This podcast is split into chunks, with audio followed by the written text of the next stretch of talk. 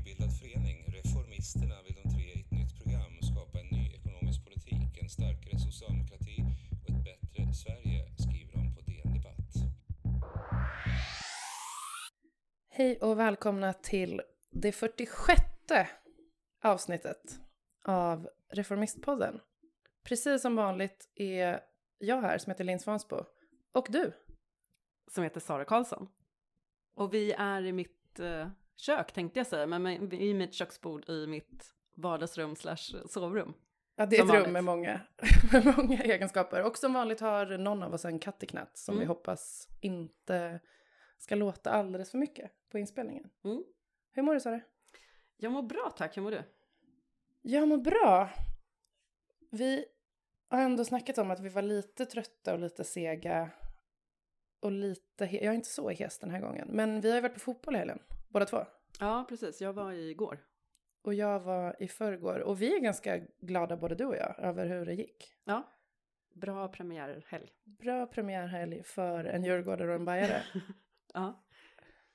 Och det är ju inte bara det vi ska prata om idag. Allsvenskan? Nej. Nej, Nej. men vi ska prata om Fotboll. ja, Och politik. fotboll och politik, precis. Två grejer vi båda gillar väldigt mycket. Mm. Och vi har tagit med oss ett proffs som kanske inte är lika glad över premiärhelgen. Eh, Vi ska, nej, vi ska inte prata för mycket om det, men Nej, men en liten utläggning kommer han få göra. Vi har med oss eh, Ekim Şaglar här idag, eh, som ju är... Eh, vi har ju pratat en del om Ekim, jag och eh, Linn. Inte Mm. i podden, utan utanför. Eh, och jag har ju tjatat om att Ekim är en av de smartaste jag känner. Och en sån eh, viktig eh, kompass. Eller jag, jag tänker att Ekim är en så här bra kompass i många frågor. Eh, men kanske inte just eh, fotboll. Eh, I alla fall inte i, i allsvenskan då. Eh, men Ekim är ju journalist eh, och författare eh, och fotbollsälskare. Eh, och van att binda ihop de här eh, intressena. Eh, och det är därför du är här idag. Varmt välkommen. Ja, men stort tack alltså. Långt intro, bashad för lagsympatier. nu kommer ju folk tro att jag, nu pratar vi premiären, så bara för att räta ut alla frågetecken, jag är inte aik jag håller på Blåvitt och det är ännu värre. Alltså när, det, när man kollar de långa linjerna i historien. Väldigt sällan man har någonting att vara glad för, så att jag är van. Det här är en ganska vanlig premiärkänsla för min del, men kul att vara här, trots det. trots allt. Ja, det var en tuff premiärhelg för er ändå. Ja, det var värre än väntat och då var det väntade resultatet ändå inte superpositivt. Det var, räknade inte med att vara jätteglad den här måndagen. Mm. Självmål på övertid med lagets främste målskytt sista åren som gör självmålet. Det är, det är liksom brutalt. Det Ja, det går, är smärtsamt. hade det varit i en serie då hade man tänkt så här, men så här illa kan det ju inte gå. Alltså inte ens fotbollen kan vara så här brutal, men jo, det kan den vara. Ja. Han gjorde ju mål i alla fall. Här är det- Er den främsta målskytt. Exakt så. Marcus Berg. Tack Ja. ska du ha. Ja, men eh, ni kanske har någon annan upcoming match som kan bli roligare. Vi ska mötas, vår nästa hemmamatch. 23 va? 23 april. Just Då det. är det Djurgården-Blåvitt. Mm, Kul. spännande. Kul! Också en arena där man aldrig vinner som bortasupporter. Eh, kan bli riktigt blodigt alltså. I ett, jag tror att Blåvitt kommer torska. Ja, Så det att- tror jag med. Men eh, vi får se, jag ska inte jinxa något. Mm. Men Ekim, var, det en rättvis presentation av dig? Eller hur skulle du presentera dig själv? Nej, men precis sådär. Eh, Det finns en fotbollskoppling. Mm. Det finns en politikkoppling också. Jag är politiskt intresserad av bevakat politikfrågor. Men har rört mig mer från att kanske så här bevaka klassiska inrikespolitiska eller utrikespolitiska frågor till att gå närmare till, eh, menar att beskriva samhällsprocesser utifrån fotbollen framförallt, eller idrotten generellt, men mest fotboll.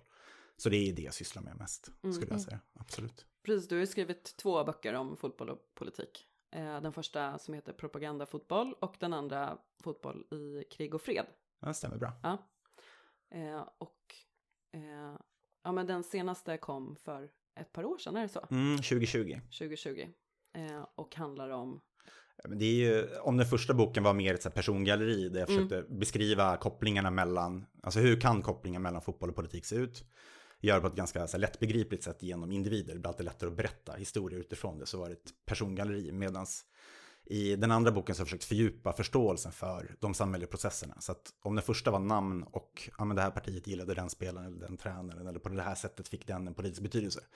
Så jag kanske i mycket större utsträckning utgått från delvis politiska teorier och forskning för att kunna se, ja, men Mm. hur ser fotbollens kopplingar till eh, nationella identiteter ut? Hur Mm. har motståndsrörelser försökt använda fotbollen? Hur kan fotbollen spela en roll i, kanske inte fredsprocesser i att det skapar fred, men hur kan det göra så att människor möter varandra och skapa förutsättningar för en fungerande dialog? Mm. Tagit ett lite bredare grepp och Mm. försökt fördjupa eh, förståelse för fenomenet fotboll och politik, snarare än att bara konstatera att de kopplingarna finns. Liksom. Mm. Så det är, jag tror att den andra kanske ger mer för den som är politiskt intresserad. Den första är kanske mer riktad till de som inte har reflekterat över att fotboll och politik kan höra ihop. Just det. Mm. Men hur kommer, hur kommer det sig att det här är din grej? Liksom? Fotboll och politik. Hur hamnade du i den? Hur hamnade vi här? Nej, men det har, I vårt hem, jag måste gå tillbaka till Mm. där jag är uppvuxen. Eh, om man pratar arv och miljö, för mig har det varit en miljöfråga. Att jag har en familj som är, eh, ja men pappa politisk flykting kom till Sverige på 70-talet. Också i Turkiet hade han en semiprofessionell fotbollskarriär, så det är en person som verkligen har ett grundmurat fotbollsintresse. Så att hemma har det alltid pratats politik. Det har alltid pratats fotboll, eh, gärna tillsammans. Så att jag tror att den blicken och att vi har rötterna i Turkiet där fotbollen är otroligt pol- politiserad har gjort att det har kommit så himla naturligt så att det har liksom inte funnits någonting annat för mig. Snarare så har det känts som att man inte pratar om samma sport när det i Sverige ofta har funnits en förhärskande idé om att fotboll och politik inte hör ihop. Då har inte jag kunnat förstå det. På, Mm. på vilket sätt är fotbollen politiserad i Turkiet jämfört med här? Om du ska berätta det för någon som inte är, är insatt liksom, i hur det hänger ihop. Jag tror att man, eh, makthavare i Turkiet, eh, ända sedan republiken bildades 1923 så har makthavare använt fotbollen som ett verktyg uppifrån och ner. För att ja, men till exempel använda det som ett sätt att förstärka nationella identiteter. Eh, Man har gått in, eftersom det här snabbt blev en publiksport, så man har försökt gå in också i att liksom ligga nära eh, fotbollsframgångar, i att försöka uttolka fotbollsframgångar. Så att det har funnits ett intresse av att göra politiska poänger av ett lags framgångar till exempel. Så att det har liksom funnits, vad ska man säga, en social ingenjörskonst uppifrån och ner som har gjort att eh, ja, politiken har sett fotbollen som en tillgång. Och när man ser det som en politisk tillgång då kommer det också få ut, utlopp och eh, blir så pass tydligt så att men, turkiska makthavare har till exempel flyttat upp lag från andra divisioner till första divisioner för att de tycker att vissa lag måste representeras. Det är någonting som är så här, bryter mot fotbollens grundregel eller idrottens grundregel, att det är prestationen framför allt. Men i Turkiet är det så här, nej men nu har politikerna bestämt det här. Så att det är ett exempel från juntan 80 till exempel, att man tyckte att eh, huvudstaden skulle ha en klubb i första divisionen. Ja, men då tar vi Ankara Gücü, ändrar alla lagar och regler eh, så att det går att flytta upp dem för att de har vunnit kuppen.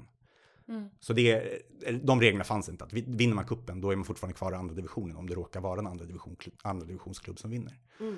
Men just Ankara Gücü, den här klubben som vann kuppen, som också har kopplingar till eh, ett statligt bolag som gör krigsmateriel. De flyttades upp efter politiska beslut från juntan. Så att i en sån kontext, när de här historierna finns närvarande, eh, när man har sett politiker liksom använda fotbollens språk på ett så tydligt sätt, till exempel, i Turkiet vet vi att vi varje, eh, liksom när det är valrörelser, så har ju, eller så har ju politikerna fotbollshalsdukar runt om Mm. på valmöten till exempel. För att det är ett sätt att kommunicera med människor, för att visa att man är folklig. Mm. Ehm, så finns det sådana varianter också. Och sen ju mer, under min uppväxt har jag också fått uppleva en um, läktarrörelse som har kommit, som har liksom utmanat den här bilden av att eh, politiken kommer uppifrån och påverkar fotbollen. Så har man också kunnat se en rörelse nerifrån och upp. Där supportrarna har försökt använda läktarna som ett sätt att uttrycka sig själva och Mm. liksom nästan driva politiska krav.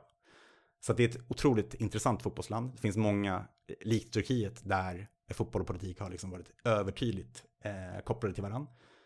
Men just jag, eftersom jag är uppvuxen i två, Mm. två kontexter kan man säga, Mm. så har det här varit glasklart för mig. Och jag har kunnat följa det på nära håll. Eh, också när jag bott i Turkiet så har det varit naturligt att dras till eh, det här bevakningsområdet. Mm. Och jag tänker vi ska mm, stanna kvar i Turkiet en liten stund. Eh, för att förutom det här som jag beskrev dig som, alltså eh, författare, journalist, eh, Och den smartaste fotbollsälskare du känner. Och den smartaste jag känner. Otroligt, jag vet inte vad jag har gjort för att... Det är också kul att Sara var så här, hur skulle du beskriva dig själv? Och Ekim bara, exakt så, som du ah, nej, men... Ett ovärderligt politiskt kompass. Ja, Ehm, ungefär så. Men en, en grej som du eh, och ett gäng till har varit aktuell med eh, senaste månaderna är en utställning eh, om eh, kultur och politik, eh, politiska rörelser, på Medelhavsmuseet. Utställningen hette Ultra, den har slutat gå nu.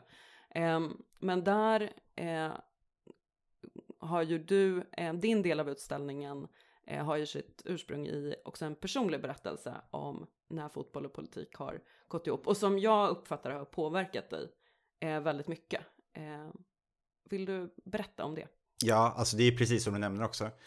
Den delen av utställningen blir ju på många sätt en personlig berättelse för att det var väldigt mycket som hände då och det var en milstolpe också i alltså, Turkiets politiska historia men också en milstolpe i skulle jag säga, alltså det breda fältet fotboll och politik i världen. För det var ett väldigt tydligt exempel där fotbollssupportrar blev en eh, part i de här protesterna. Så ska man liksom kort gå igenom vad som egentligen hände 2013 och det var också en period jag bodde där. Så att Mm. jag kom i kontakt med en eh, rörelse som ville förhindra en parkrivning i centrala Istanbul, det som är Gezi-parken, därav att det heter Gezi-protesterna. Eh, och det den här gruppen eh, egentligen ville göra, det var inte bara att liksom rädda träd. Eh, ibland har det liksom beskrivits som att det var ett gäng trädkramare som eh, tyckte att det här grönområdet var det viktigaste som fanns. Eh, men det var ju en symbolfråga och man såg det också som en rovdrift på liksom, ett av få områden kvar där folk kunde umgås. Där det primära syftet inte var kommers. Mm. Så man skulle riva det här, bygga en, ett köpcentrum i gammal osmansk stil. Och det här blev en viktig symbolfråga som också gick att koppla till väldigt mycket annat. Så jag fick ett sms av en fackligt engagerad vän som sa Mm. att det är jättemycket folk eh, här. Och jättemycket folk vid den tidpunkten, det var 20-30 pers. Kanske Mm. något fler eh, som övernattade i den här parken för att förhindra rivningen. Och det, det här var en fråga som många visste om. Alltså om man bevakar MR-frågor eller man bevakar rättighetsfrågor i Turkiet så visste man om det här. Mm. Men inte vad det skulle komma att bli. Så att Mm. jag gick dit, pratade med folk, eh, insåg ganska snart att polisen går väldigt, väldigt hårt fram. Det är liksom ett våld som man är van vid att i Turkiet. Det behöver jag inte förklara för era lyssnare eller er att ja, men det är ett repressivt land. Mm. 2013 så var också en, ett repressivt land, även om det finns en bild av att den här regeringen, det är fortfarande sittande regering, var vid makten då också, har varit det sedan 2002. Redan då hade de visat upp väldigt repressiva Mm. drag. Så gick de väldigt hårt fram mot demonstranter som gjorde att det här blev mycket större än vad det var från början. Så ganska snabbt så blev det de här 20-30 eller kanske uppemot 50-60 personerna blev 200-300. Eh, dagen efter vart det flera tusen. Mm. Delvis som en reaktion på polisvåldet. Mm. För att de brände ner de tälten som eh, demonstranterna där hade. För att de gick in med ja, men ett övervåld som eh, snabbt kablades ut på sociala medier. Och ganska snabbt så var supporterna där. För att det här blev ganska snabbt en rörelse där alla kunde ta med sig sina demokratiska krav. Eh, sin ilska över den här utvecklingen i Turkiet. Mm. Och fotbollssupporterna hade ju sina, eh, sin kamp. Eh, hade ju sin beskärda del, fått sin beskärda del av den här repressiva utvecklingen. Vilka var det? Eller på vilket sätt då? Eller hur kommer det sig att det fanns, liksom, vilka typer av demokratiska krav fanns från supportrarna som kunde kopplas till den här park? Ja, men till exempel, Rivningen. jag tror att man måste se så här, den generella samhällsutvecklingen eh, i fotbollen. Och den är egentligen, alltså det är en global trend, att fotbollen är någonting annat eh, nu än vad den var för 30-40 år sedan. När det gäller till exempel kommersialisering. Så att väldigt många personer börjar känna att men det här är inte våra läktare längre, för vi ses mer som kunder eller, än någonting annat, än som supportrar. Ja. Eh, och det är den generella, liksom, vad ska man säga, alienationen från liksom, sin roll som fotbollssupporter kontra eh, den passion man har i livet. Mm. Och den är inte direkt riktad mot regeringen egentligen. Men däremot så har regeringen liksom, vid den här tidpunkten också klubbat igenom en lag som gör att man vill öka kontrollen på läktarna. Mhm. Så det är en direkt sån, att man vill införa ett biljettsystem till exempel, som då inte hade införts, men som gick under lagen 6222, den kallas för det. Och hade blivit en sån symbolfråga som visar att okej, om det demokratiska utrymmet, om civilsamhället liksom tystas ner, om tidningar tystas ner, om journalister, MR-aktivister tystas ner, så tystas supportrar ner genom den här lagen. Mm. Och den kom till, tror jag, 2011. Så där har man i bakhuvudet. Mm. Eh, och samtidigt så har det också börjat komma under 00-talet väldigt tydliga politiska grupper eh, på flera läktare i Turkiet som gör att ja, men det finns eh, supportergrupper som har en ganska tydlig liksom, politisk profil. Mm. Och det blir mycket lättare för dem att eh, ställa sig på ett torg eller vara i en park där det finns feminister eller där fackförbunden redan finns. Eller där det finns, det samlas också så här etniska minoriteter som driver sina frågor. Mm. Så att när man hittar eh, en sån plattform som är väldigt inkluderande, som Mm. inte kan läsas heller i vänster-höger-termer, eh, för att det blev så pass stort efter Mm. några dagar. Det vart ju miljoner, det vart ju landsomfattande Mm. efter bara Mm. några dagar liksom också. Eh, så ser man att ja, supporterna har en väldigt given plats här. Mm. Och det är inte första gången heller. Alltså de här, om man kollar på the usual suspects av de som är politiskt engagerade supportrar så brukar de också fira första maj. Alltså de som Mm. är, drar mer åt vänsterhållet när det gäller eh, den profilen. Men de är där eh, och det blir också en ganska tydlig sån sak. Alla som är där och kanske inte ens har gillat fotboll ser förekomsten av supportrar. Mm. Eh, och till en början så är det ju väldigt avgörande insatser som man gör eh, där i parken eftersom det är så pass mycket polisvåld som möter Mm. eh, de här demonstranterna och aktivisterna. Så är det så att även grupper som redan är välorganiserade, eh, som har, alltså de är organiserade både i att de är vana vid att ha olika arrangemang, Mm. de har sina kontaktvägar för att mobilisera folk. Så är de snabbt där. Eh, lätt att känna igen också med sina egna banderoller, med fotbollshalsdukar eh, från olika lag. Eh, de har sina ramser som ganska snabbt tas upp av proteströrelsen. Mm. Och de är också ganska populära, alltså fotbollens tilltal är också populärt för att det är mer folkligt och man kan kosta på sig att vara rolig. Alltså det behöver inte vara på blodigt allvar alla de gånger man går in i ett sammanhang som är, eh, i det här fallet, väldigt pressat. Så en sån väldigt klassisk ramsa som i Turkiet brukar förkopplas med så här, "Sık bakalım." Och den går, jag översätter direkt då. Typ spruta på, spruta på ett tårgas riktat mot polisen. Eh, släpp batongen, släpp hjälmen så får vi se vem som har hjärta och mod. Och liksom en sån ramsa som är, den är ganska, undertonen är inte särskilt våldsam, men Mm. den säger kom då. Mm. Mm. Och människor som aldrig har kunnat säga kom då och som aldrig har känt att säger de kom då, då får de bara stryk. Men här säger man kom då till ordningsmakten och mot den politiska makten, liksom, Mm. om man drar hela vägen bort till regeringens ansvar. Mm. Så ser man också att personer där kan stå upp vid en barrikad eh, och göra ett motstånd. Så det tror jag inte heller att man ska underskatta. Att Mm. De här människorna gjorde skillnad genom att de visste hur de skulle hantera våldet. Och det har vi sett. Det är inte, Turkiet är inte unikt på det sättet. Mm. Arabiska våren vet vi att liknande saker hände också på Tahrirtorget. Där Mm. ultras till framförallt eh, Al-Ali och Zamalek, de två största Kairo-klubbarna, eh, också var långt fram på barrikaderna. Så att det här blev Turkiets eget eh, breda uppror. Fotbollsgrupperna var inte de absolut viktigaste, eh, men de var en del av den här mosaiken av väldigt många organisationer som var där. Så att det har blivit verkligen så här, att göra en del av en utställning utifrån det här, det var ganska lätt. Alltså Mm. för att det snabbt blev så politiserat. Mm. Men det här är ju snart eh, tio år sedan eh, nu, de här protesterna var. Hur har det liksom påverkat eh, rörelsen efteråt? Har det fått liksom eh, följder för möjligheten till politisk organisering också över gränser? Jag tänker över så här, grupper av supportrar som ju på läktarna är fiender men som kan förenas i demokratiska krav. Har det liksom kunnat, har man kunnat fortsätta bygga de allianserna efter protesterna? Inte i själva fotbollen. Och det har ju varit en vanlig liksom, bild av vad som hände under eh, de här protesterna. Att Mm. man börjar prata om Istanbul United. Och då var det ju väldigt tydligt. Alla som har hört någonting om turkisk eh, läktarkultur vet att det finns tre edsvurna fiender i Istanbul. Det är Besiktas, Galatasaray, Fenerbahce. De står sida vid sida. Det blev en viktig grej också att, ja, men, symboliskt viktigt att knyta ihop halsdukar bokstavligen. Det var Mm. väldigt många som gjorde det. Bytte tröjor med varandra eller ställde upp på foton Mm. tillsammans. Att man kramade om varandra i lagtröjor. Och det var ju en symbol som många som även inte gillar fotboll förstod att om Mm. till och med de här kan stå bredvid varandra, då kan vi som demokratisk opposition faktiskt uträtta underverk. Men det har delvis överdrivits också för att jag tror att den proteströrelsen ville ha sina symboler. Så det var inte så att de stora gruppernas liksom, ledare på något sätt eh, kom överens med de andra gruppernas ledare. För det är inte så det funkar. Alltså det är väldigt svårt att få till den typen av samarbeten för att man antagligen inte vill det. Och det går att bedriva den här protesten även utan att göra det så formellt. Så det var ju snarare någonting spontant som skedde där. Mm. Så att det samarbetet, eh, det finns inte kvar på samma sätt skulle jag säga. För att det helt enkelt är så att det inte fanns där de dagarna heller. Mer än att det var helt okej. För, ja men, som ett exempel kan man ta, också för att beskriva hur eh, tongivande fotbollssupportrarna var, så var den, i alla fall som jag kunde se, den längsta gående demonstrationen till stöd för Gezi-rörelsen. Det var ju eh, Besiktas-supportrarnas marsch från stadsdelen Besiktas eh, till Gizi-parken. Eh, det var en stor milstolpe, det finns fortfarande väldigt mycket bilder som delas från det från årsdagar och så. Mm. Och där var det jättemycket supportrar eh, till de andra lagen också. Mm. Och det sa man, alltså när man gjorde, skickade ut på sociala medier att okej, vi kommer samlas här, vi kommer ha en marsch där och våra bröder och systrar från de andra klubbarna är också välkomna. Mm.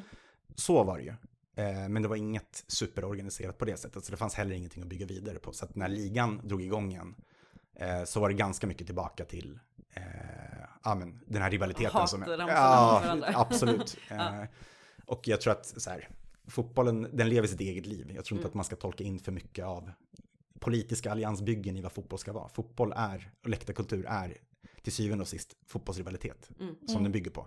Sen beroende på omständigheter, beroende på men, social kontext, politisk kontext, så kan det ibland bli så att vissa människor som aldrig, aldrig brukar stå bredvid varandra kommer att stå bredvid varandra.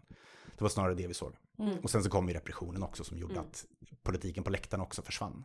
För Mm. att den var tvungen att försvinna. För att man helt enkelt förbjöd politiska uttryck. Mm. Ja, Så- jag skulle säga det. Vad har hänt? Liksom? Eller hur, om det här var 2013, vad, hur, vad hände sen? Hur ser det ut nu? Men det händer ju, det är också väldigt intressant i att om proteströrelsen uppfattade fotbollen, eller fotbollsrörelserna som någonting relativt centralt, inte det mest centrala som sagt, men någonting relativt centralt, så uppfattar ju såklart eh, makthavarna samma sak. Mm. Så att det börjar med att man förbjöd politiska ramser, eh, men det innebar också att den här lagen som jag nämnde, 6222, Mm. den började implementeras på ett helt annat sätt efter eh, Gezi-protesterna.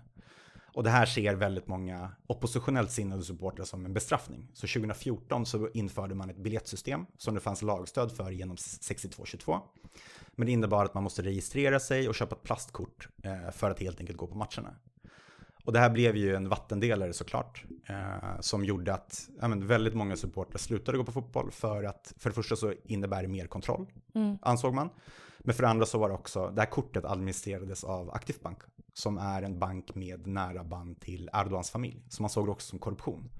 Så det inleddes en bojkottvåg som gjorde att, eh, där bojkottvågen bland väldigt aktiva supportrar gjorde att men folk slutade gå på fotboll. Mm. Och då har man inte den naturliga liksom, organisationsgraden, man har inte den, man bygger inte vidare på den erfarenhet som man har, utan det blev ett påtvingat generationsskifte. Mm. Och eh, alltså genomsnittsantalet på matcherna i första ligan halverades första året Mm. efter att man införde biljettsystemet 2014. Sen har det kommit tillbaka folk. Det har byggts en massa nya arenor, så jag tr- tror att man kan sätta eh, 2013 som någon sorts milstolpe också, där förra vågen av läktarkultur, där den faktiskt blev väldigt politisk till slut, Mm. eh, den är försvunnit helt. Så att fram tills nyligen så har det i princip inte funnits några tydliga eh, sådana politiska budskap. Eh, I alla fall inte oppositionella budskap. Det har funnits mer eller mindre öppna pro-regeringsbudskap såklart. Att Mm. de accepteras på ett helt annat sätt med tanke på att vi vet hur godtyckligt liksom, den typen av repression sätts in. Så att fotboll och politik är okej så länge det är i, går är i linje politik. med, Ja. exakt så. Mm. Eh, med undantag för en kurdisk klubb, Ahmedspor, som alltid har varit, eller sen åtminstone 2015 har uppvisat politiska budskap, både genom klubb och på läktare. Men om man kollar på första divisionen, det här är en mindre klubb. Eh, Men i första divisionen så har den politiken helt och hållet försvunnit. Fram tills, ja, som sagt, nyligen efter jordbävningen. Ja, det är tillbaka nu. Lite grann eftersom eh, det började med att de första matcherna som spelades efter den här jordbävningskatastrofen så var det av naturliga skäl väldigt många människor som var ja, men, fruktansvärt, inte bara besvikna utan ursinniga på grund av regeringens valhänta hantering Mm. av eh, Alltså bland annat det här kurdiska laget som du nämnde, är det inte de som också blev utsatta för? Jo, Ja. det är som en parallell process Ja. eh, som har pågått liksom. Det är lite som allt annat, det finns en mainstream-politik och Mm. om vi pratar om mainstream-politik på läktarna som första divisionen så har den här kurdiska klubben haft en egen eh, sån liksom, historia sedan 2015 och framåt där de alltid har utsatts för hårt tryck på bortaläktare Mm. men också väldigt godtyckliga ingrepp från eh, till exempel förbundets håll Mm. eh, där man har fått poängavdrag på grund av, ja men i princip ingenting. Man har fått straff för att man har haft en banderoll med texten låt barnen gå på fotboll. Alltså Mm. stoppa kriget, låt barnen gå på fotboll istället för att kriga, någonting i stil med det. Mm. Liksom. Så att vanliga fredsbudskap har ju också, om det är från fel person, så har ju det också Mm. lett till... Bestraffats liksom. Absolut. Mm. Just Och det, nu det, det är en indirekt kritik mot Erdogan. Exakt. Mm. Och den liksom säkerhetspolitik som Turkiet alltid har Mm. bedrivit. Mm. Ehm, så att det är väl, det har funkat som en parallell process. Och även den här kurdiska klubben, det som jag tror att du tänker på Sara, det är ju Mm. också att de utsattes på ett tidigare liksom, sällsynt sätt för extremt våld. Alltså på en bortamatch mot Bursa som är kända för men sitt nationalistiska följe. Där man utsattes för ren rasism, det fanns budskap på läktarna som hänvisade tillbaka till de smutsiga krigen Mm. mellan staten och PKK, men där Mm. vi vet att väldigt många kurdiska människor, civila, eh, slaktades. eh, av semi-officiella paramilitära organisationer. Så hade man liksom bilder som symboliserade just de här organisationerna som bedrev det här smutsiga kriget. Mm. Eh, samtidigt som man attackerade spelarna eh, och det kastades in, alltså det sköts in föremål med slangbäller, finns det Mm. dokumenterat. Man kastade in knivar, man kastade in eh, skarpa skott, alltså som en markering att Mm. ni hör inte hemma här. Mm. Eh, Så det är en parallell process. Men också, om vi går tillbaka till mainstream-politiken, eh, så fanns det också en, ja men ganska, skulle jag säga, en stor ilska men en ganska harmlös kritik i att man helt enkelt bara sa eh, eh, Hükümet istifa, alltså regeringen avgå, började eka på den första matchen som spelades eh, efter det här uppehållet som blev på grund av jordbävningskatastrofen. Eh, det första som hände, jag kollade på den matchen på tv, de liksom sänkte volymen för att det här inte skulle höras. Eh, Ah. Och efteråt så gick ultranationalistiska partiets partiledare, som är en del av regeringsunderlaget, gick ut och sa att det här är katastrof, så här får det inte vara. Eh, de klubbledningar som låter det här ske, de ska ställas till svars mer eller mindre. Så det blev snabbt en politisk fråga, bara för att folk har sagt regeringen avgå. Mm. I vilket annat land som helst hade det där kunnat tolkas som eh, en vanlig missnöjesyttring. Mm. Men här blev det en stor politisk sak ganska snabbt. Och sen följde Besiktas-supportrarna naturligtvis eh, och gjorde samma sak. Eh, Och sen så inleddes också en process där eh, ligaorganisationen till slut tog avstånd från eh, den här typen av uttryck på läktarna. Så att det sattes ett ganska hårt tryck mot klubbarna ganska snabbt också. Mm. Som gjorde att ja, men det här blev återigen eh, politikens in, liksom, eh, synlighet på läktarna. Mm. Och eh, man införde också ett borta reseförbud som faktiskt slog mot alla. Alltså genom att Fenerbahce-supportrarna inte fick åka på sin första eh, match med ett bortafölje till exempel. Så man markerade väldigt klart och Mm. tydligt att det här kommer inte accepteras. Mm. Eh, så att däremellan, alltså från situationen efter jordbävningen, eh, någonstans mellan 20, 2014 och 2023 så var det ganska liksom, politiskt lugnt på läktarna. Men nu har det ändå funnits sådana indikationer på att även mainstream-läktarna återigen polit- politiseras. Och då Mm. är det ju såklart många som drar det tillbaka till, ni minns hur det var i Gizeh. Alltså, Mm. Mm. Fotbollssupportrar är medborgare också. Den här Mm. bilden av att Ja. Eh, precis på samma sätt som att medborgare måste ha sitt demokratiska utrymme att uttrycka sig så måste supportrar också ha det, för det är samma människor. Ja. Vi kan inte skilja de två arenorna ifrån varandra. Så att man kan säga att fotbollsläktarna, att man ser det som en samhällsarena, Mm. eh, finns i Turkiet på ett helt annat sätt nu Mm. eh, än vad det gjorde tidigare. Mm. Men då, då var ju det som en kritik då av hur man hanterade jordbävningskatastrofen. Eh, nu står ju, och det här hänger ihop såklart, eller liksom det spelar ju över in i valrörelsen, men nu står vi inför ett val i Turkiet i maj. Jag kommer inte ihåg, det var ju dumt av mig att jag inte vet exakt eh, datum. 14 maj. 14 maj, eh, så det är typ sex veckor bort. Mm. Hur liksom syns det på läktarna? Inte så mycket, för jag tror att det är väldigt många som vet också att eh, det finns en rättslöshet för vanliga medborgare i Turkiet som gör att det är Mm. lätt att kväsa eh, oppositionella yttringar. Eh, så att jag tror att det är väldigt många som inte vill betala det priset. Mm. Eh, framförallt för att det också är svårt, alltså det är svårt att kräva av läktare till exempel, att gå före en rörelse som kanske inte finns på gatorna. Det som var speciellt under Gizeh var att läktarna gick ner på gatorna där det redan Ja, fanns där gatorörelser. gång. Ja. Men eh, supportrar blir måltavlor där de också redan är övervakade. Alltså det här biljettsystemet gör också att alla namnen finns. Eh, det fanns också vittnesmål om att men, man har börjat få hem eh, tillträdesförbud som gör att Mm. supportrar inte kan gå på matcherna Ja. längre. Då uppfattar nog, antar jag, många supportrar som att men det är inte värt att driva det här just nu. Då är det bättre att låta de politiska partierna driva sina valkampanjer och låta valurnan tala för sig. Så Mm. det är inte så att det brinner på läktarna nu och att den eh, ilskan finns säkert kvar med tanke Mm. på ja, men den katastrofala hantering som regeringen uppvisat också efter Mm. jordbävningen. Mm. Men eh, det är inte så att det syns mer på läktarna. Eh, Men syns det på andra sidan? Alltså eh, Erdogan-trogna lag eller knutna till MHP eller sådär. Är de, ehm, syns de på läktarna? Ja, alltså det kan man säga genom att de har ju fått eh, ligaklubbarna att gemensamt gå ut och fördöma uttrycket på läktarna. Mm. Det är i sig en styrkemanifestation som Mm, gör Såklart. att eh, Besiktas ledning eller Fenerbahces ledning, Fenerbahces ledning har ändå varit, vi vet att deras eh, klubbpresident Ali Koç, han stödde ju också Gezi-rörelsen så han har ju Mm. liksom en bakgrund där man vet att han inte är från regeringslägret. Mm. Eh, han har försökt förmildra, liksom, alltså komplettera det här eh, allmänna uttrycket som har kommit via ligaföreningen till att faktiskt ja, stå upp för sina supportrar. när det gäller till exempel det här bortaförbudet. Så att de åtminstone kan gå på fotboll. Alltså Mm. det är helt sjukt att Fenerbahce supporter inte kan gå på bortamatcher Mm. på grund av vad delar av läktarna uttryckt under en match. Men eh, det har inte blivit någon stor fråga och fortsätter det så här så är det ju, då har AKP redan, liksom, regeringen redan satt ner foten och fått med sig tillräckligt många klubbar.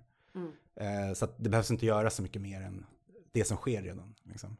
De har redan satt ner sin fot och Mm. fått som de har velat genom att folk inte uttrycker det här lika tydligt som de gjorde direkt efter. Mm. Um, Välriggat också med biljettsystemet. ja, Eller som du säger, det är ju inte så konstigt att folk inte vågar, liksom, man är reggad. Det är precis där som, alltså det har ju fått så gamla sår att rivas upp, och, rivas upp också genom att många tolkar det här som att ja, men det här var det 62-22-lagen. den Handlade från- om. Handlade Ja. om. Och nu används den. Nu när det finns förutsättningar för att använda den, då kommer den användas Mm. fullt ut. Mm. Eh, och så. Men eh, en sak som har hänt ju på en helt annan nivå. Det är att ultranationalisternas ledare, eh, Devlet Baceli, som ja, men är sprungna ur, varför kontexten skulle, eftersom många också känner till eh, ja, men, gråvargarna. Det är Mm. liksom den, den samma politiska fåra. Mm. Det är rörelser som har kopplingar till varandra. Det Mm. är MOP. Eh, deras partiledare är också Besiktas-supporter och Besiktas-supporterna är någorlunda kända som ganska oppositionella, drar åt det progressiva hållet. Eh, och eftersom det också uttrycktes den här typen av eh, missnöje på Besiktas läktare, Mm. då gick han ut och sa att nej, från och med nu så går jag ur som medlem ur Besiktas. Och så best- bestämde han sig för att gå över till ett annat lag, Fatih Karagümrük. Så det är liksom, han gjorde en supporterövergång som Oj. också är, det får en att ifrågasätta hur mycket han höll på Besiktas. exakt. Men det var också Mm. roligt för att han visar på hur så dåligt genomtänkta de här utspelen är. Han sa att vi får inte ge, vi får inte lämna utrymme åt de här eh, liksom, människorna eh, att bedriva sin smutsiga politik på våra läktare. Så lämnar han Besiktas och istället för honom så går eh, Arbetarpartiets partiledare, ett radikalt vänsterparti, eh, in som medlem i. Så det är precis det han har gjort. Ja. Så den här ultranationalisten har ju lämnat Ja. liksom, utrymme för andra att ta det utrymmet. Ja. Och nu har vänstern gjort en grej av det också, att ja, men då går vi in istället. Mm. Eller jag går in istället. Då är partiledaren Erkan Bashani Besiktas supporter såklart. Men det vart en gimmick liksom att okej, men då ersätter vi det här. Mm. Då vart det en grej på sociala medier också, att det här är den bästa Såklart. övergången Besiktas har gjort på väldigt länge. Bli Mm. av med den här Devlet Bacil, Ja. få in Arbetarpartiets Ja. eh, ordförande. Men du Ekim, hur mycket, alltså det här, det är ju liksom lätt att förstå när du berättar varför politik och fotboll hänger ihop så oerhört mycket i Turkiet utifrån ja, men historien och hur, hur liksom effektivt politiken har använt fotbollen. Men hur mycket liksom, hur mycket kan man hitta de här tendenserna i andra länder? Och vilka länder? Och finns det liksom, hur mycket hänger fotboll och politik ihop globalt? Och på vilka sätt? Eh, det är en jättestor fråga. Det man kan säga är att... Ja, nej, men, Kör! hur många timmar har vi? Nej, men, perfekt, då... Nej men om vi ska resonera utanför liksom, eh, Turkiets gränser. Nej, men det är ett ganska vanligt fenomen. Turkiet är inte unikt i världen när det gäller de här direkta kopplingarna. Det är ofta lättare att prata om de här extrema fallen och de Mm. extrema fallen som vi hör om Turkiet nu, de har också skett på ett väldigt tydligt sätt i länder där man använder, alltså där det finns ett ganska stort utrymme för auktoritära ledare att utnyttja delar Mm. av civilsamhället som engagerar människor. Är det, Där- då, är det då det är tydligast skulle du säga? Alltså Det där det finns repressiva politiska makter som Absolut. vill... Ja. Det är mycket vanligare i auktoritära regimer att det här blir tydligt. Sen så tror jag att om man ska koppla det till men det som har blivit populärt att prata om nu, sportswashing. Mm. Om man istället pratar till exempel om hur eh, olika regimer använder idrotten som ett medel för mjuk makt. Mm. Alltså att man inte bara pratar om auktoritära regimer som försöker förbättra sitt rykte utan ser det här bredare, Mm. bredare användandet av idrott för att flytta fram sina positioner. Då ser vi att demokratiska stater också gör det, så här, det pågår hela tiden. Men det blir alltid uppenbarare, mer flagrant och mycket taffligare när diktatorer gör det eller när olika typer av auktoritära ledare gör det. Och det här har vi sett i ja, men, nästan hundra år i alla fall, i Brasilien, Argentina, Italien. Alltså det här är en historia som man kan ha sin startpunkt i Mussolinis Italien Mm. eller Francos Spanien eller eh, olika både demokratiska och icke-demokratiska regimer i eh, Brasilien. Så det här är något som pågår hela tiden. Mm. Ehm, Hur mycket av det har vi i Sverige, alltså tänker du? på ett sätt så har det ju funnits genom att, alltså idrotten ges ju ett stort eh, uppdrag i och med att det finns ju den här bilden av, och den stämmer tror jag, alltså idrotten som en eh, fostrare av demokratiska Mm, medborgare till mm. exempel. Att man får sina första eh, demokratiska erfarenheter Mm. genom föreningslivet. Mm. Folkrörelsen. Folkrörelsen och den stora delen, den kanske inte den största, nu har jag liksom inte sådana antal framför mig, men när det gäller både eh, inflytande i form av ekonomi och antal utövare och medlemmar så är idrotten en viktig del av civilsamhället. Och det har den ju Mm. varit väldigt, väldigt länge. Så ser man de här positiva delarna, ja men då märker vi att det finns ju, politiker har också sett det som en tillgång. Man har ju liksom försökt frammana det på det sättet. Eh, om man ska ta ett positivt exempel, Mm. så att man inte bara pratar om de repressiva mekanismerna. Mm. Men sen så har det ju säkert funnits, alltså enskilda personer med mm, till exempel en ambition att trycka ner eh, klassmotsättningar i ett land. Så är fotbollen också ett sätt att använda till exempel eh, nationella symboler för att göra att fler ställer sig under den svenska fanan i vårt fall då, eller Mm. nationalsången. Där finns det ju forskning som visar till exempel att ehm, i Sverige under 1910 och 20-talet så blir till exempel eh, ja, men just nationsfanan och nationalsången blir någonting som fler ur arbetarklassen, och då är det framförallt den manliga delen av arbetarklassen såklart, eftersom det har varit en manligt kodad sport. Mm. Som nästan alla andra offentliga utrymmen så har Mm. männen tagit mer plats där. Men då har det varit ett sätt att göra de här symbolerna mer folkliga. Så att istället för att de här, eh, till exempel den här fanan uppfattas som en överklasssymbol eller en reaktionär symbol, så har den snarare blivit folklig. Det finns en forskare på Malmö universitet, Torbjörn Andersson, som har skrivit jätteintressant om det där. Eh, där han säger ju inte att liksom, folk, eh, arbetarklassen gillar flaggan på grund av fotboll, eller tack vare fotboll, utan han menar bara att det här har varit en av de delarna som har gjort att bilden av Sverige, den har haft liksom nästan nationaliserande funktion. Eh, min ord, inte hans. Men om man Mm, tar mm. liksom den slutsatsen vidare, så ser man ju att det här kan vara ett sätt att verkligen så här överbrygga eh, klasskonflikter. Mm. Och vi vet att eh, den radikala delen av arbetarrörelsen försökte bygga egna institutioner, eh, idrottsinstitutioner. Mm. Då har vi Arbetarnas idrottsförening till exempel, där man anordnade egna så kallade landskamper. Eh, där man gjorde en stor sak av att inte använda svenska fanan när man mötte utländska lag. Mm. Utan då spelar man internationalen istället. Så att man använder liksom de, samma symbolik. Men man Mm. försökte få de människorna som engagerar sig i den delen till att istället för att tänka nation, istället för att Sverige ställs mot Danmark eller Norge, så ställs Klass. klass, in, Mm. inte mot klass, utan klassfränder eh, spelade vänskapsmatcher mot Mm. varandra för en politisk sak. Ehm, och då ser man ju också att det har använts liksom, på ett politiskt sätt. Men det är betydligt mindre, skulle jag säga, tydligt i en svensk kontext. Mm. Eh, troligen också som ett resultat just av att det finns ett civilsamhälle där man kan driva sina politiska frågor via andra typer av rörelser. Så att där läktarna blir en superviktig så här, demokrati, får en så här superviktig demokratifunktion. De tendenserna ser man ju snarare, skulle jag säga, i länder där det övriga demokratiska utrymmet utanför arenan är så Inte litet. finns, ja. Exakt. Mm. Eh, då blir det mycket mer Ja, men då blir det mycket mer naturligt att den här ansiktslösa massan som blir det här kollektivet som Mm. driver frågor, att den Mm. också blir en arena ehm, som en politisk opposition försöker att organisera kring. Mm. Eller åtminstone göra sig hörda Mm. i korta Också ögon. naturligt som du säger när det är så väl organiserat tänker jag.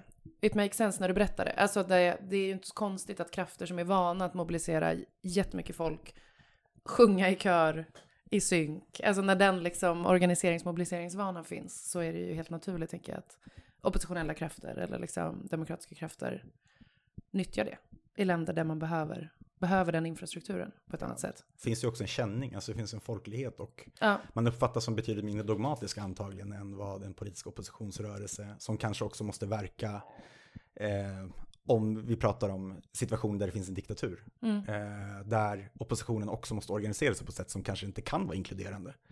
Då blir läktaren också ett folkligt sätt att uttrycka sin, Mm. eh, sitt missnöje. Mm. Då har vi, det finns ju sådana exempel från Europa också med menar att katalanskan kunde delvis bevaras på fotbollsläktare när Barcelona det. Med tanke på att, men, som alla vet, Francisco Franco ultranationalist på väldigt många sätt där man förbjuder, undertrycker liksom alla typer av, trycker ner alla typer av minoritetsuttryck när det gäller basker och katalaner till exempel. Eh, då har det varit en viktig sak att kunna göra det på läktaren åtminstone. Mm. Så att de underjordiska rörelserna har haft sina, liksom, sin Mm. politiska organisering. Mm. Men sen finns det också en folklig arena där de här språken faktiskt lever vidare.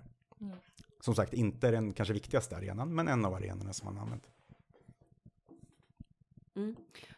Du var inne på det nyss, och det här hade vi liksom inte sagt att vi skulle prata om som tema, men jag har svårt att låta bli. Ehm, du var inne på att det har varit en manligt kodad sport, och det får man väl säga att många supporters ju fortfarande är män.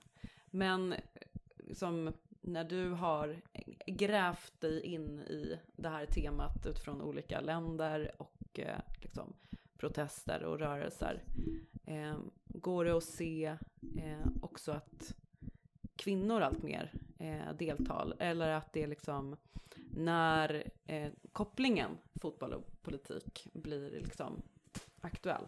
Eh, är det också en organisering som lockar kvinnor? Eller är det liksom en, en manlig rörelse? Det är svårt att säga om man inte har, ofta så har vi ju inte mer än organisationsnamn och så. Jag har inte gått ner på den nivån där man kan se att det är väldigt mycket mer, alltså hur an, stor andel kvinnor som till exempel organiserat sig via läktarrörelsen och så. Men det jag kan säga är att även om kärnan ofta är män, om vi går tillbaka till Giz-exemplet som, mm. där jag ändå kan säga någonting om hur eh, det läget såg ut, så var det till skillnad från läktarna, där det ändå har blivit mycket mer kvinnor eh, över tid. Mm. Så det är en trend som ändå är positiv, även om det är från katastrofala nivåer. Mm. Så var ju de här demonstrationerna som supporten till exempel drev, eh, där var ju andelen kvinnor betydligt högre än vad jag var van vid att se på turkiska läktare. Eh, och speciellt kanske storstadsläktare, där är det en helt annan demografi än vad det är i men, konservativa städer i landsbygden. Det kan jag också relatera till eftersom jag själv, min egen hemstad är liksom Gaziantep som har en annan läktardemografi och haft, nu finns inte den klubben kvar, men från det jag kan minnas från de matcherna som jag var med och såg där. Så att man kan säga att när läktarna driver den här typen av rörelser och där det också kanske finns andra som kan komma i kontakt med fotbollen och mm. läktarrörelsen för första gången. Alltså det finns ju jättemånga, det som man pratar om i GZO också, att man bröt varandras fördomar väldigt mycket. Att det kunde stå kemalister som är turkiska nationalister i grunden, de, vill ju, de utgår ifrån en tanke där det finns en etnisk identitet som ska vara styrande, en överidentitet, turkiskheten. Eh, så på så sätt så är de otroligt exkluderande och förtryckande mot eh, kurder till exempel. Mm. Men i GZO så kunde ju både prokurdiska krafter och kurder eh, samsas med nationalisterna. Och på samma sätt så såg man att de eh, klassiska, så som man tänker sig, och som det ofta faktiskt var i Turkiet vid den tiden, eh, de som kritiserade fotbollsrörelsen för att vara väldigt macho och för att vara väldigt exkluderande mot kvinnor till exempel, eh, drev en aktiv dialog med de här grupperna som mm. gjorde att alltså de slagorden som kom från läktarna, de uttrycken som kom från läktarna som väldigt ofta var ja, men homofobiska eller att de var väldigt sexistiska. De mildrades. Jag kan inte säga att det blev mycket bättre, men det här var ett problem som adresserades av feminister på plats. Eh, och hbtqi-aktivister på plats. Eh, och där och då så var det i alla fall bättre bland de supportrarna som var där. Eh, men på lång sikt, det är ingenting som ändras bara av några veckors erfarenheter. Så tyvärr så skulle jag säga att alltså, graden av eh, sexism eller andelen kvinnor kanske inte har ökat. Det har jag faktiskt dålig koll på i rena siffror. Men jag vet att det adresserades och det underlättas av att det blir, det blir en naturlig mötesplats. Alltså, man undvek inte varandra på ett sätt som det blir naturligt om man inte går på fotboll och träffar mm. inte fotbollsrörelserna. Men om fotbollsrörelsen hela tiden är där eh, andra grupper mm. är, då blir det också en typ av dialog som också fotbollsrörelsen inte är helt vana vid. Och den, var, den var väldigt konstruktiv faktiskt skulle jag säga. Mm. Ja, och allierad med, som du beskriver, fackföreningsrörelsen eller feministiska rörelsen. Absolut. Och där på plats lär ju det göra skillnad. Jo. Ja, men det gjorde det. Det var väldigt spännande tider. Men hallå, en grej som jag inte inte kan prata med dig om, Ekim, när vi pratar om fotboll och politik, är eh, Fifa. Och liksom Ja, jag vet inte. VM i Qatar senast. De har precis haft kongress igen. Det känns som att det är uppe varje jävla gång det är dags för ett internationellt mästerskap. Att nu kanske det är dags att respektera mänskliga rättigheter lite. Och sen eh, gör vi inte det. Ändå. Onödigt. Onödigt, verkar Fifa tycka att det är. Nej men hur, liksom varför, vad, vad händer? Eller vad är din bild? Liksom, hur går det? känns som att det är jättemycket i debatten, jättemycket i diskussionen, jättemycket nyhetsrapporteringar nu senast i VM. Eh, och ändå verkar inte hända så mycket i liksom konkret om värdering eller omplanering eller i hur, hur de internationella mästerskapen hanteras och styrs. Vad, vad tänker du? Vad säger du? Nej, men jag delar den bilden. Alltså att man kan känna frustration över att det är så många viktiga debatter som ändå förs. som inte tas på tillräckligt stort allvar. Eh, där vi vet, ja men Qatar-VM tror jag inte att man Mm. behöver dra siffrorna eller förutsättningarna och det samhälle och det lidande som det Mm. där 10 poäng. Det det Ja, precis. exakt. Alltså att det fortfarande finns folk som ser det som någonting väldigt lyckat, Mm. men det också finns en delad bild där, ja men, jag tror att, jag tror att alla vet vad Ja, vi men pratar finns om. när det vi pratar- någon förutom Zlatan som tycker att det var helt okej lyckat? Det är väl bara han som har uttryckt Ja, sig. absolut. Alltså andra som är väl tysta kanske. Det är bara Zlatan som... Men det är också en bild som jag tror dumt. det är, jag tror att det är liksom bilden som vi får här. Eh, och med vissa så här, ja men kanske framförallt eh, engelskspråkiga, säkert, ja men det är de medier som jag kan följa Mm. mest. Eh, säkert tyska, spanska medier också. Men det man märker i, om man går tillbaka till Fifa-kongressen till exempel Mm. senast, så är det ju det som är oroväckande, det är inte att en turnering har hamnat i ett visst land. Fifa gör det Fifa alltid har gjort. Alltså VM-turneringar har ju spelats i diktaturens Argentina också. Mm.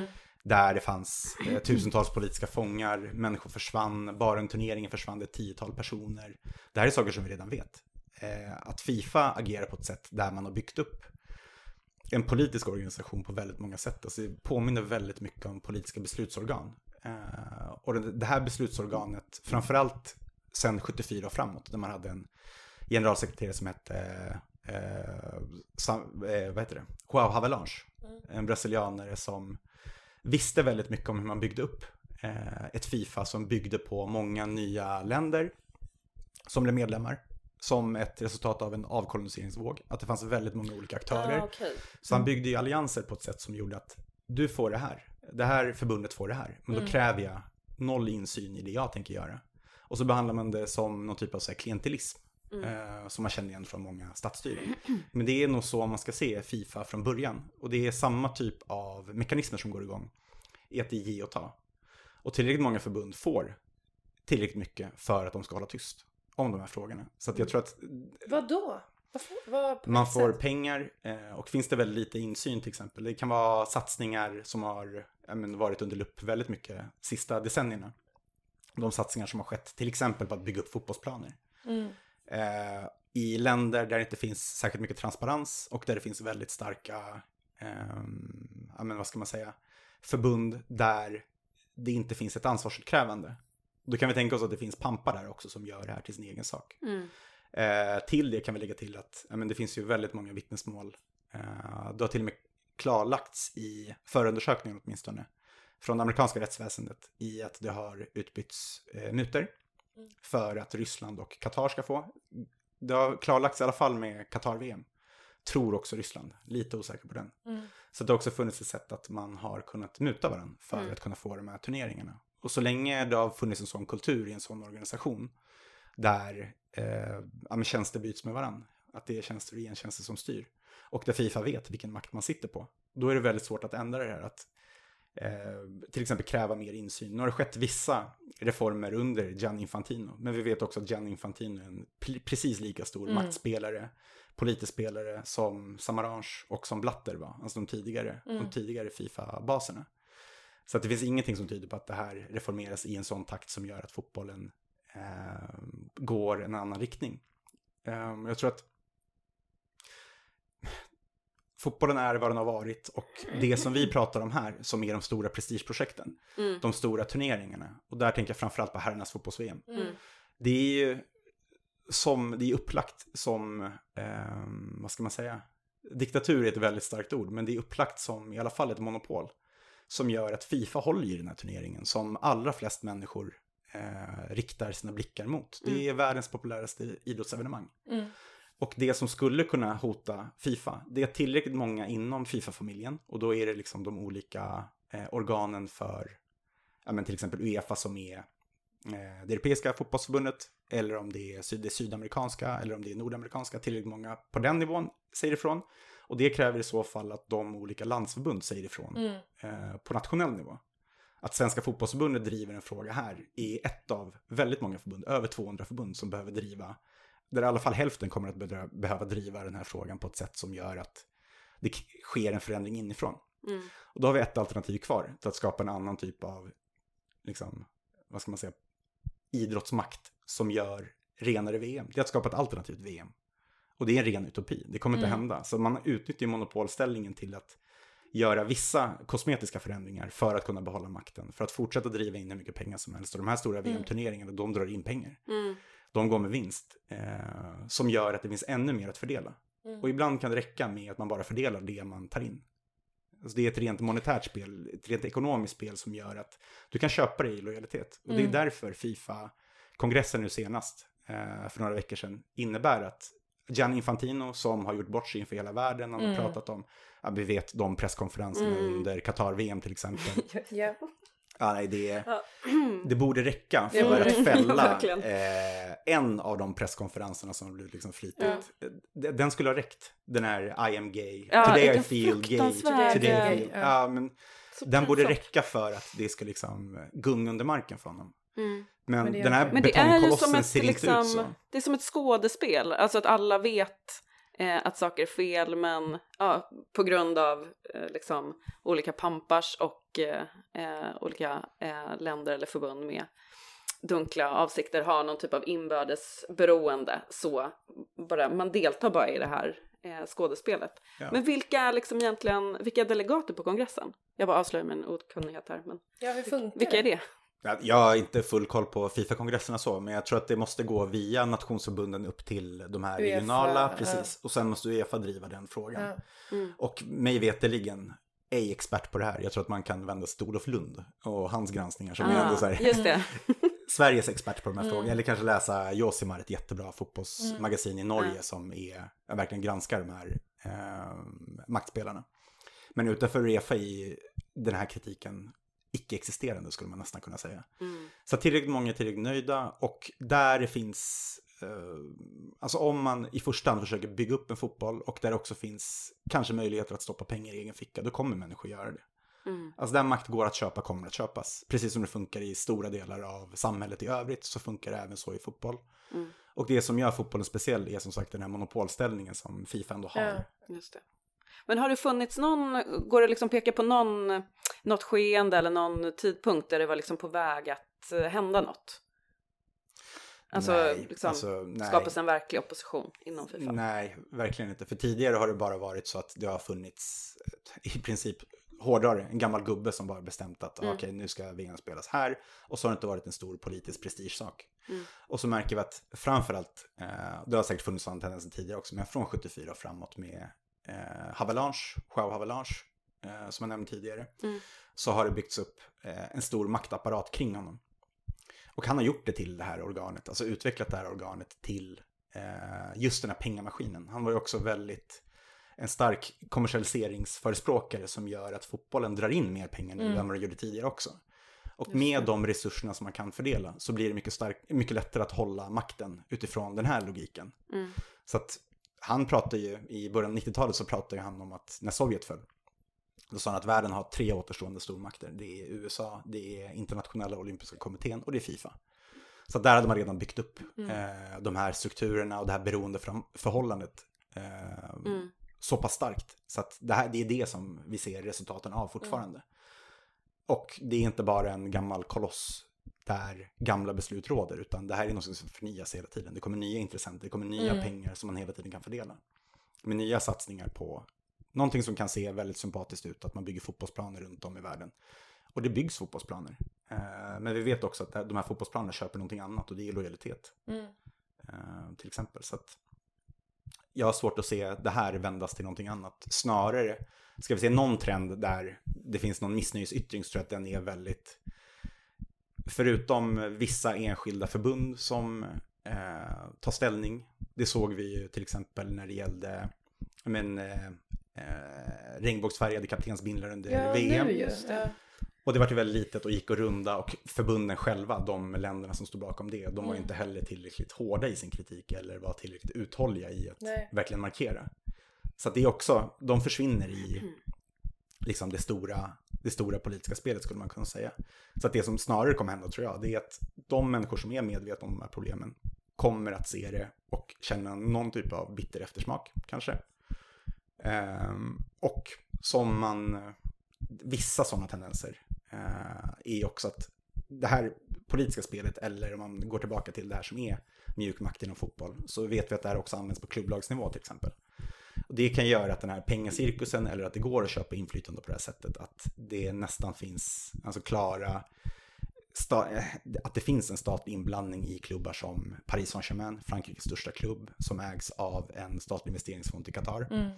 Vi har eh, två av Englands rikaste klubbar nu, eller de två rikaste klubbarna borde det bli med tanke på den uppbackning de har. Newcastle som ägs av Saudiarabiens eh, motsvarighet. Vi har också Manchester City som ägs av en person som är vice premiärminister i Förenade Arabemiraten och en del av kungafamiljen i Abu Dhabi. Alltså med den uppbackningen så gör det ju också att mm. antingen så köper man hela det paketet och fortsätter eh, och ser det som en naturlig del av fotbollen. Eller så kan det bli som för många andra också att eh, den kritiken som inte biter inom fotbollsvärlden eller inom sin klubb gör att man pacificeras. En liga som allsvenskan kanske blir viktigare för Manchester City-supportrar i Sverige eller Newcastle-supportrar i Sverige. Och det är en ganska liten trend, men det är ändå en viss trend som man kan se, tycker jag, att man tröttnar på den här stora fotbollen som mm. bara handlar om pengar. Mm. Där, även om det inte är klubbar som eh, drivs av stater, så finns det väldigt mycket ekonomiska intressen som i mm. sig kan vara problematiska. Mm. Och jag var inne på den här kommersialiseringstrenden också, att det som brukar slarvigt kallas för eh, den moderna fotbollen till exempel, mm. gör att man tyr sig till det som är mer äkta autentiskt. Mm. Det som är närmare ens egen vardag, det som är mm. närmare ens egen passion. Där blir ju, ja men kanske allsvenskan, eh, någonting som är en nerskalad fotboll på grund av att den uppskalade fotbollen har blivit så politisk och utnyttjas så pass tydligt. Mm. Och det har den gjorts kanske i större utsträckning nu än man gjorde för 50-60 år sedan. Eftersom pengar köper framgång på ett helt annat sätt. Ja, och det är personligt varumärkesbyggande och sådana grejer. Ja, absolut. För mm. jättemånga. Mm. Att, klubb, eller att spelare i större klubben. Så också. Absolut mm. så. Men nu är det ju, alltså ska man hårdra det, så i de största ligorna nu, då är det ju ofta privata ägare, eller det är privata mm. ägare. Och där hoppas ju supportrar på, alltså om någon ägare ska sälja sin klubb, då är det bästa man kan få som klubbägare en eh, välvillig kapitalist. Mm. Som man hoppas på att den i så stor utsträckning som möjligt den ägaren ska respektera eh, klubbens kultur. Och i allra värsta fall så kan det vara någon som kanske äger det helt eller delvis på grund av politiska ambitioner. Där ser vi till exempel eh, de här exemplen på sportswashing där mm. nationer går in, liksom. Mm. stater går in. Mm.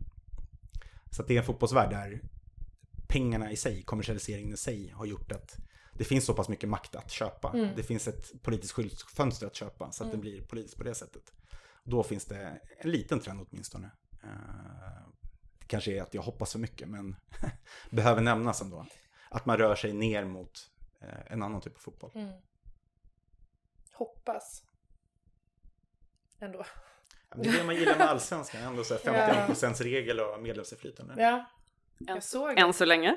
Ja, jag såg att Bayern hade banderoller i söndags. Såg du det? På era läktare så var det så jättestora för ett, för ett medlemsägt Hammarby banderoller. Nej, fan jag missade dem. Um... Apropå trender mot, mot att vilja ha medlemsägda lag. Aha, jag såg bara Kenta och eh, någon slags fuck you finger mot polisen. Men det där missade jag. Mm. Ja, det var ju bra. Fint ju. Mm, mm. Fint. Men är, eh, är det, är det, alltså, det pratade vi om. Nej? Vi pratade om det innan Linn kom. Att? Um, om det är, om det är hotat. Eh, den regeln? Det finns ju krafter som eh, i debatten kring 51%-regeln mm. absolut lyfter det som en konkurrensnackdel. Eh, mm. Att man inte konkurrerar på samma villkor som, och då brukar man ofta nämna Danmark. För att Danmark är, det är starka klubbägare som kan investera stora pengar i klubben som gör att och dansk klubbfotboll och delvis också landslagsfotboll har ju varit väldigt framgångsrik så det är lätt mm. att peka mot Danmark och säga att okay, men kommersialisering i Sverige eller att man luckrar upp 51%-regeln kommer att ge oss de framgångarna som Danmark har fått. Så det är en pågående debatt. Men jag skulle säga att supporterrörelsen, den som finns på läktarna, mm. den som företräds av till exempel paraplyorganisationer också som SFSU, ja. som är en samling av supportergrupper från olika lag. Där finns det ju, där slår man ju vakt om eh, den här traditionen och nästan om så här, det blir nästan en filosofisk fråga, alltså vems ska fotbollen i Sverige vara? Mm. Ska den fortsatt vara läktarnas fotboll, medlemmarnas fotboll? Då kan man ju inte gå eh, kommersialiseringsvägen där man hoppas på en så välvillig ägare som möjligt. Nej, det finns väl ganska mycket annan evidens eh, uppenbarligen som tyder på att kommersialiseringen av fotboll är inte toppen för supportrarna.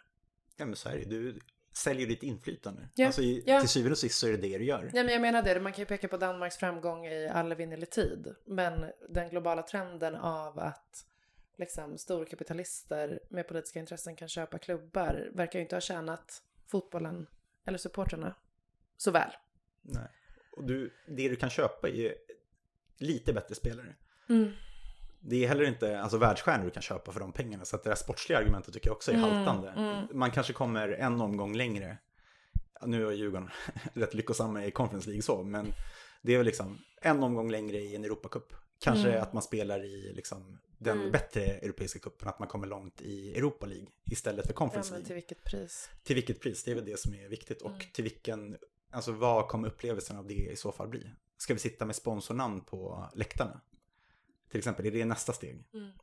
Eh, och det kommer i så fall, jag tror att öppnar man den, den frågan handlar ju väldigt mycket om allt det som ja, men sammanfattas som mot den moderna fotbollen. Mm. Det här är liksom en sån, vad ska man säga, barrikad där man faktiskt motar de allra värsta kommersiella krafterna åtminstone. Sen så Mm. är ju svensk fotboll också kommersiellt. Alltså Jo, det finns jo. ju jättemycket inflytande från problematiska pengar om man tittar på spelbolag, sponsring och massa Mm. andra saker som man kan kritisera. Men i det stora hela så sticker de länder där det finns medlemsinflytande ut och det gynnar supporter. Mm. Det är billigare biljettpriser. Ja. Man har inflytande på, man kan skriva sin motion och lockar du tillräckligt mycket folk så kommer du få igenom den motionen på årsmötet.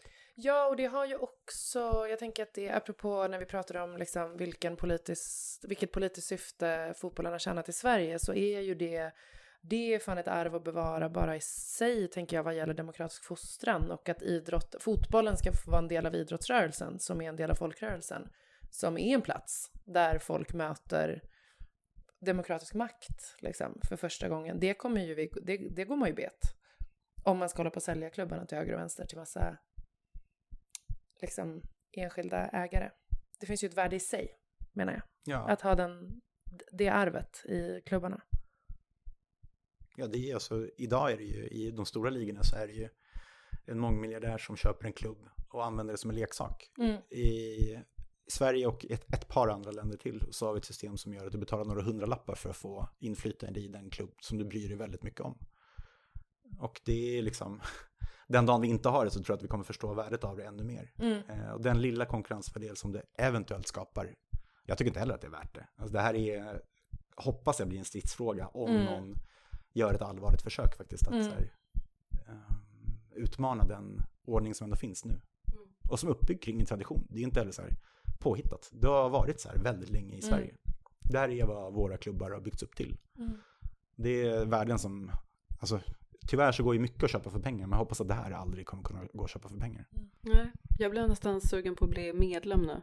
Är du I inte mitt det? lag. Nej, jag är inte medlem. Men, så- Men eh, eftersom att det är en viktig del av eh, den demokratiska rörelsen så ja, jag det får är nog... klart du ska bli medlem.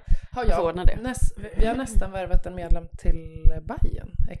Du och jag. Ja, nu kommer jag behöva dra Danmarkslinjen hårdare. Hur ska vi, Hur hur ska vi det är. kompensera för det här? Jag måste gå ut och värva tre till Djurgården Lycka till. som betalning. Stort tack. Mm. Stort tack. Nej men det är klart du ska bli medlem. Ja, ja, ja. Jag ska fixa det. Det är mycket man ska. Det är klassiskt också när man går förbi någon som försöker värva en på stan. Så, äh, men jag är medlem i så många grejer redan. men efter det här avsnittet så får det faktiskt ta bli det. Ja, Alla, alla, som är, liksom, alla som är supporters borde bli medlem i sin klubb. Ja. Efter att de har lyssnat på det här avsnittet. vi bestämmer det. Mm. Men det kanske... um, Är det, um, är det dags att avrunda? Det är det nog. Är det ett avsnitt? Borde vi säga något avslutande? Förutom att jag ska bli medlem i. Du, Men det är en fin avslutning. det är en jättefin avslutning och en uppmaning till alla andra att bli medlemmar i sina klubbar. Ja, precis. Ett bra sätt att knyta ihop liksom, ett tema om, om fotboll och kanske inte politik då, Men men, demokrati, om, ja. fot- fotboll och den demokratiska rörelsen. Ja, Eller fotboll som demokratisk rörelse. verkligen. Tusen tack för att du kom Becky. Jättekul att vara här. Det var Ja, nej, men- jättekul. Du är kanske den smartaste Sara känner. ja, du vet vad jag tycker. Jajamän. Ja, det var jättespännande. kul med fotboll och politik. Ja. Och vad kul att ni lyssnar. Vi hörs igen om två veckor. Det gör vi. Hej då! Hej.